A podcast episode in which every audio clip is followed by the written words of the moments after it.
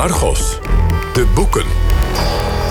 Ja, het is tijd voor uh, de boekenrubriek in Argos. Vandaag met Sjoerd de Jong, ombudsman bij NRC Handelsblad... en veel lezer van boeken. Sjoerd, je hebt twee boeken voor ons meegenomen. Welke zijn het?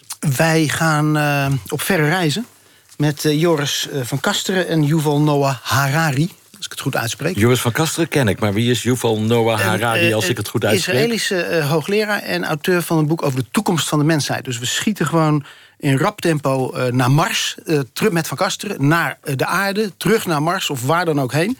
En ondertussen passeren we een bonte stoet van, uh, zal zeggen, zonderlingen, losers... maar ook een stelletje superrijke ubermenschen zelfs.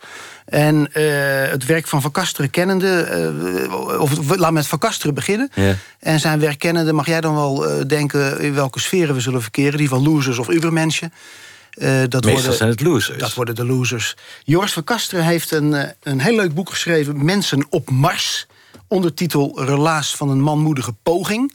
met nadruk op het woord poging... Hoewel manmoedig mag, mag het ook wel genoemd worden. En dat is een, een journalistieke uh, speurtocht naar het idee uh, uh, van het project Mars One in 2013, vanaf 2013 kon je daarvoor inschrijven. Een initiatief van mensen die denken... Mars is onze toekomst, we gaan naar Mars. En het idee was dan om in 2027 daar aan te komen... en daar een nieuw leven te beginnen. Nou, Van Kasteren uh, zoekt de initiatiefnemer. Een van de initiatiefnemers is een Nederlander, Bart, Bas Lansdorp... En hij gaat ook op zoek naar de mensen die zich uh, hebben ingeschreven voor dat project. Dus die graag mee willen. En hij gaat, uh, dat is wel opmerkelijk eigenlijk voor Van Kasteren... die bekend is van zijn boek Lelystad, hè, over een Nederlandse nieuwbouwkolonie. Er is ook een soort nieuwbouwkolonie op Mars... maar Joris gaat hiervoor uh, internationaal naar Arizona, naar Rusland, Siberië zelfs geloof ik... op zoek naar mensen die zich daarvoor hebben ingeschreven. Maar hij blijft gelukkig ook in zijn natuurlijke habitat. Dus laten we zeggen Enschede, Capelle aan de IJssel. Want daar zijn er ook allemaal mensen die eigenlijk ja, naar Mars wilden. Zeker. Centraal, Wat is hun drijfveer? Uh, Centraal Station Amersfoort, niet te vergeten, en Snackbar Jopie. Uh, op Centraal Station Amersfoort spreekt hij van uh, Lansdorp. En dienstdrijver is, ja, het is gewoon interessant. Het kan, dus laten we het gaan doen. Eigenlijk is hij de minst uh, gedrevene wat betreft inhoud. De mensen die Van Kasteren bezoekt... en dat gaat van, van Engeland naar, naar uh, Denemarken en andere landen... dat zijn... Ja, misschien moet ik er eentje eigenlijk gewoon uh, aan je voorstellen. Ja, uitstekend. Wie is het? Heel kort, dat is... hij gaat naar de, naar de Britse stad Derby... En daar ontmoet hij uh, McDonald, Ryan McDonald. Die woont nog bij zijn moeder en wil mee naar Mars. En uh, Van Kasteren beschrijft dat op een manier... dat is echt vintage uh, Van Kasteren, zullen we maar zeggen... met een soort hybride van empathie en lichtelijk sadisme misschien ook wel. Uh, hij schrijft, er wordt opengedaan door moeder McDonald. Ryan is nog niet thuis. Ze gaat voor naar de huiskamer, waar twee konijnenkooien staan. Op de bank ligt wasgoed. Aan de deurklink hangt een witte BH. Ik ga op de bank zitten naast het wasgoed. Nou, dan maakt hij een praatje met de moeder. McDonald komt ondertussen thuis met zijn opa. En McDonald is in opspraak geraakt, want hij heeft een interview gegeven... Nou, als marsreiziger, waarin hij zegt... Ja, hij heeft nog nooit seks gehad. Daar oh. duikt de Britse pers bovenop. Ja, goed, zegt hij, hij heeft wel eens gemasturbeerd... maar voor medical reasons. En daar gaat het gesprek met Van Kasteren dan verder over. Ja, zegt McDonald, het was toch wel vervelend... Want ja, hij had twee dagen met die televisieploeg opgetrokken... en ja, dan vergeet je gewoon de camera. En, klaagt hij, citaat... de mensen denken nu dat hij vanuit een soort trauma naar Mars wil. Dat is echt niet zo, bezweert hij. Door het interview is ook het beeld ontstaan dat hij geen gevoelsleven zou hebben. Ook dat klopt niet. Dan zegt hij, McDonald, ik heb niks tegen liefde en romantiek. I love the concept. Schrijft Verkasteren verder, we praten nog een tijdje door... dan trek ik mijn jas aan. Bij de deur begint McDonald opnieuw over zijn vermeende aseksualiteit. Momenteel is seks niet mijn prioriteit. Maar als het er op Mars van moet komen, dan lukt het me heus wel. Sure. Ja, dit is, een, dit is één Neemt Joris van Kast uh, zijn uh, geïnterviewde wel serieus? Zeikt hij ze niet gewoon af? Uh, nee, nou, het tegenwicht... Nou ja, nee, want kijk, er zit ook altijd een soort empathie in dit soort uh, portretten. Is ook iemand anders die zegt, ja, die wil ook graag mee... maar schrijft Van Kasteren dan, hij heeft een nieuwe vriendin... en die wil niet dat hij gaat. Dus dat, dat zijn toch, vind ik, mooie menselijke uh, penseelstreken. Bovendien lardeert hij die met historische exposés... waar ik zelf wat minder uh, door ben. Ik ben geen... Uh, niet zo'n Mars-aficionado. Veel verder dan, laten we zeggen, Captain Scarlet en de Mysterons ben ik nooit gekomen in de jaren 60. Thunderbirds.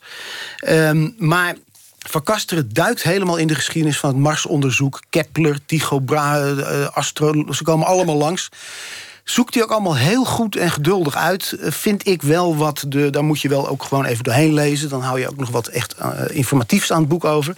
Maar het mooiste zijn de portretten van de Marsreizigers in Spee. Wat is er eigenlijk uh, terechtgekomen van dat Mars One-project? Nou ja, in elk geval heeft het dit mooie boek opgeleverd. voor de rest is het afwachten. Maar gaan ze naar Mars in 2027? Nou, uh, er ontstonden natuurlijk sponsorproblemen. Want ja, het kost natuurlijk wel wat geld. Hè? Uh, uiteindelijk is ook die uh, Bas Landsdorp omstreden geraakt. Wel, er worden ook onaardige dingen over gezegd. Hij ontloopt van Kasteren ook een beetje aan het eind van het boek. Eén keer spreekt hij hem in een flexkantoortje op, zoals ik zei, Amersfoort CS. Maar daarna eigenlijk lukt het niet meer. Geld houdt op en er is nog een onderbroekenfabriek, geloof ik... die het nog wil sponsoren. En een aantal Arabische sheiks of emiraten ontstaat ook weer ophef over. Dus de, de, de aankomstdatum is nu in elk geval uitgesteld. We gaan even terug naar aarde, naar het boek Homo Deus van Yuval Noah Harari uit Israël. Ja, hoe moet je dat vertalen? De, de, de goddelijke mens, uh, de mens als God. Ja, uh, de, de mensgod, de godmens.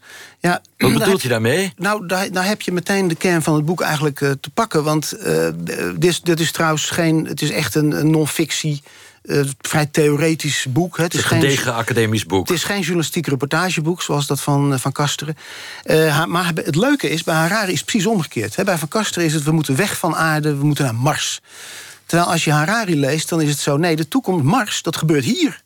Je hoeft helemaal niet naar een verre planeet. Uh, alle transformaties die de toekomst voor ons in petto heeft... die vinden hier plaats. Want wat gaat er volgens hem op aarde allemaal gebeuren? Nou, als je dat leest kun je inderdaad wel voorstellen... dat je vanuit Snackbar Jopie naar Mars wil vertrekken als, als loser. Want hier wordt de boel straks overgenomen door Big Data en de Ubermensch. Wie is de Ubermensch? Uh, wie zijn de Big Data? Oké, dan beginnen nou, we bij wie zijn de big data? Hij, kijk, in de, in de kern, Harari heeft, misschien moet ik het zo zeggen... Harari heeft eerder een boek geschreven, Sapiens, wereldwijde bestseller.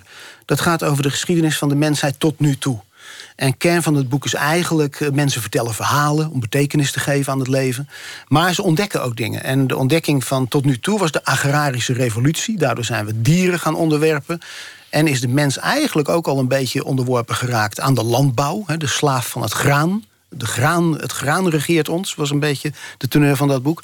Dit boek gaat over de volgende revolutie, dat is de cognitieve revolutie. Big data, Darwinisme, biologie, computerwetenschappen. En hij zegt, dat is eigenlijk de kern van het boek... door die cognitieve revolutie uh, dreigt Hoewel je niet helemaal weet of hij dat nou gevaarlijk vindt of niet. Maar hij voorspelt in elk geval dat daardoor, zoals vroeger de dieren onderworpen werden door de agrarische revolutie, nu de mens onderworpen zal raken door de cognitieve revolutie. En dat betekent uiteindelijk zelfs volgens hem het verdwijnen van Homo sapiens.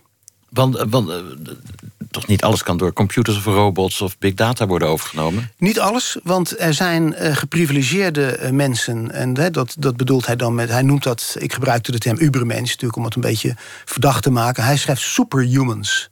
En dat zijn mensen die, uh, omdat ze gewoon veel geld hebben en gezond zijn en 120 worden of 140 straks, uh, zich kunnen onttrekken aan de heerschappij van de big data. Maar wij, althans laten we vanuit gaan dat jij en ik gewoon. Ja, arme sloebers. Niet tot de superhumans behoren.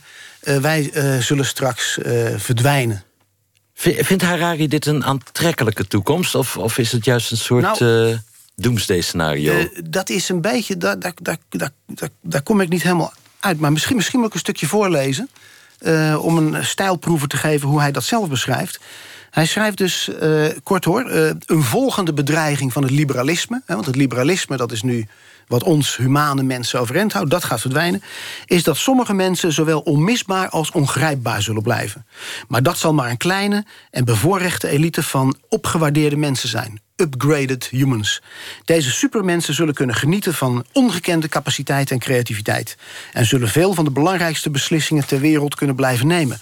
Helaas, de meeste mensen zullen niet worden geupgrade. En zij zullen per gevolg een inferieure kasten gaan vormen. Gedomineerd door aan de ene kant computeralgoritmes algoritmes, en aan de andere kant de nieuwe supermensen. Of hij dat nou bedreigend vindt of niet, dat is een beetje aan de lezer. Op de laatste pagina's van zijn boek uh, roept hij wat twijfel op. Zegt hij ja, dit gaat gebeuren. Alles is daarvoor in stelling gebracht. Uh, maar ja, is de samenleving nou niet echt meer dan een verzameling algoritmes? Zou de journalistiek en ook de onderzoeksjournalistiek zich meer moeten bezighouden met die ja, een beetje angstaanjagende ook wel toekomst? Met vragen als Kunnen we naar Mars? Uh, met vragen als: worden we het Mhm. slachtoffer van die cognitieve revolutie? Nou, dat is inderdaad wel een goede vraag. Maar De omissie in het boek is: hij voorspelt geen nieuwe generatie superjournalisten. Eh, dat niet, dus of journalisten... Dat vind ik nou Ja, nee. ontzettend ontbreken Ja, ik denk boek. dat dat toch gewoon de nieuwe kasten van Horgen eh, zal worden. Eh, het is een heel prikkelend boek, hoor. Dus ik, we maken, we maken nu wat grappen over, maar het is een heel prikkelend boek. Het is wel in zekere zin ook filosofie music for the millions. Want dat het humanisme ten einde zal lopen... dat weten filosofen denken dat natuurlijk al te weten sinds Foucault en zo. Hè? En filosofen uit de Fransen uit de jaren 60, 70... die ook al voorspelden dat het gezicht van de mens op het strand zal wegspoelen als een tekening in het zand. Sjoerd de Jong besprak Mensen op Mars van Joris van Kaster... en Homo Deus van Yuval Noah Harari. Waar is het prettiger wonen, denk je? Op Mars in de toekomst of op aarde in de versie van Harari? Eh, Harari woont in Tel Aviv. Eh, ja, Tel Aviv of Mars. Dat is de keus. Dat is de keus. Dank voor je komst. En dit was Argos. We zijn er volgende week weer. Straks WNL op zaterdag. Ik wens u een mooi weekend.